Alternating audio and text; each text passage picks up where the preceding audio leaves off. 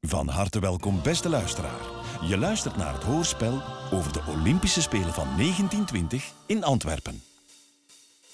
Zoals de titel u al enigszins doet vermoeden, is in 1920 het onvoorstelbare toch gebeurd. Amper twee jaar na de Eerste Wereldoorlog, na een jarenlange bezetting, hebben ze hier in Antwerpen de Olympische Spelen georganiseerd. En wij schakelen nu live over naar Rut, onze reporter ter plaatse, op de Olympische Spelen van, jawel, 1920. Ja, dag Roger. Ik sta hier op de atletiekpiste. Dag meneer, ik zie dat u van een sherry aan het genieten bent. Heeft u iets te vieren? Ah nee, ik moet zweten van al lopen, hè. En dan drinkt u vooraf een glas. Met twee rauwe eieren, hè. dat is gezond. Ja. En vandaag, hè, een slachtoffer. En ze zijn vertrokken. Ja, eh, andere tijden, andere zeden zeker. Ik sta hier ondertussen aan de monumentale poort van het Olympisch Stadion. En dat is eigenlijk een mirakel dat ze dit op zo'n korte tijd, zo kort na de oorlog, hebben kunnen bouwen. En nu komt het. Aan de vlaggenmast hangt, vol trots, de primeur op de Olympische Spelen, de Olympische vlag. Oeh, hoe die met die vijf gekleurde ringen. Ja, Dat wereldberoemde symbool van de Olympische Spelen. Ja, zeker. Hier in Antwerpen in 1920 wordt hij voor het eerst gehesen. Aan mijn andere zijde staat Pierre de Coubertin, de man die de Olympische Spelen bijna eigenhandig nieuw leven heeft ingeblazen. Meneer de Coubertin, Ja. u heeft deze vlag zelf ontworpen. Hoe bent u op het idee gekomen? Wel, ja, de Olympische Spelen zijn de Spelen van, van de vrede, van de verbondenheid. Daarom die verbonden ringen. Die staan voor de banden tussen de naties, de verschillende landen. Landen zoals Oostenrijk en Duitsland? Ah, ja, eh, nee. Ja, u moet weten, beste luisteraar, dat het uitnodigen van de oude bezetter nog een beetje gevoelig lag, zo vers na de oorlog. En zo was er bijvoorbeeld ook nog een merkwaardig incident bij het kunstschaatsen. Hé, madameke. Wat denken wij dat we aan het doen zijn? Wel, ik zou aan het kunnen schetsen. Uit- uit- eh, Op deze muziek, een Weense wals. Natuurlijk. Of mag dat nu? Ja, zo net na de oorlog. De muziek van de bezetter, ik dacht het niet, hè? Ik zal eens laten zien wat ik met die grammofoonplaat van u gaat doen, ze. Voilà! Oh, nee, nee, mijn pleut. Zeg, ik heb... Kom, DJ, eh, speel eens iets anders, een muziekje van hier. Eh, en wat dan? Ja, dit is mij gelijk, hè? Iets vrolijk, kom aan. Allee, ja. Nee, deze, nee.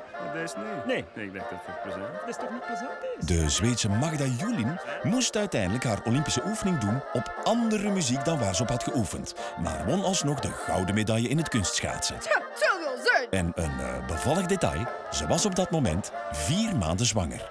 Ja, Oh, eh, ik hoor dat we even snel terug moeten naar 1920, want daar is iets aan het gebeuren.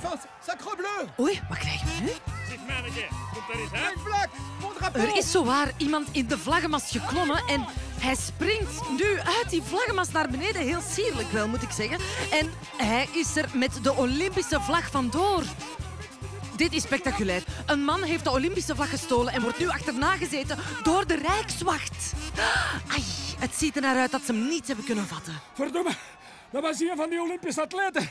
Daar ben ik zeker van, hè. Die mannen zijn ook allemaal zo rappen, zeg.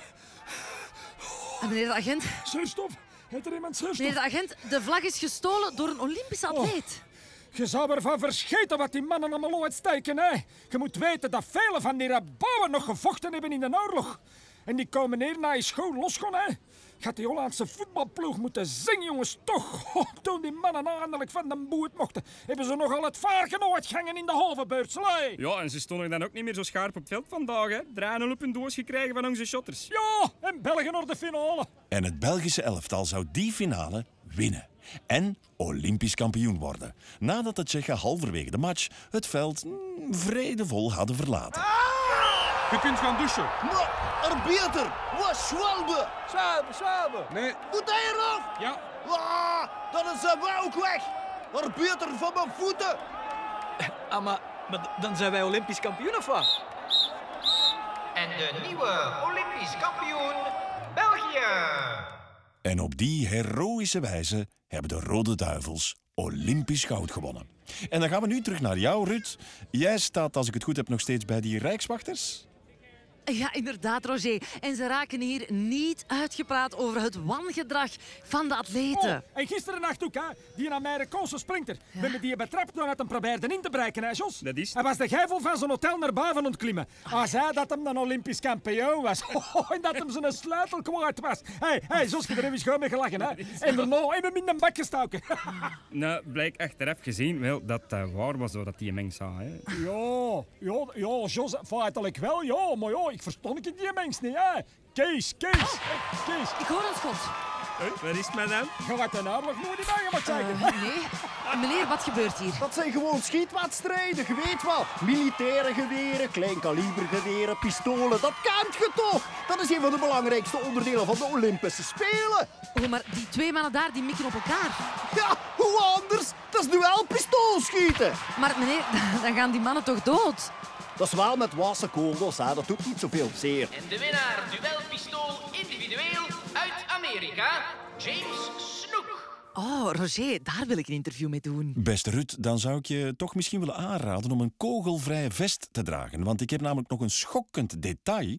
Eh, vele jaren later zou diezelfde James Snook veroordeeld worden voor moord en op de elektrische stoel belanden. Ik zei het, schokkend detail. Goh, ehm, misschien heb ik al genoeg interviews voor vandaag.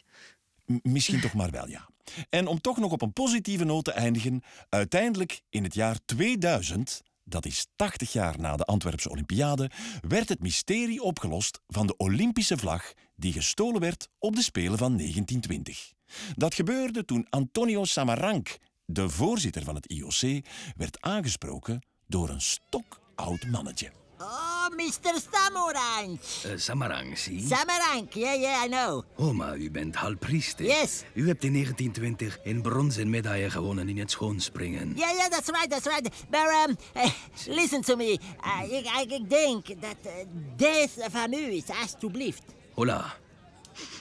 Maar dat, Yeah. dat is die Olympische vlag van Ja. 1920. Yeah, yeah, yeah, I'm very sorry. Ik had die gepikt. En I was thinking, oh, yo, Zie. you know the joke. Het heeft te lang genoeg geduurd. Alstublieft. 80 jaar, vetelijk, hè? Allee, is goed. De nada. Niet meer doen, hè? I'm een deug Ah, niet, hè. zie, zie, zie. En zo is het gegaan. Hal Priest heeft sindsdien nooit meer een Olympische vlag gestolen. Ah ja, die mens was toen al meer dan 100 jaar oud. Dat heb je inderdaad zeer goed gezien, Rut.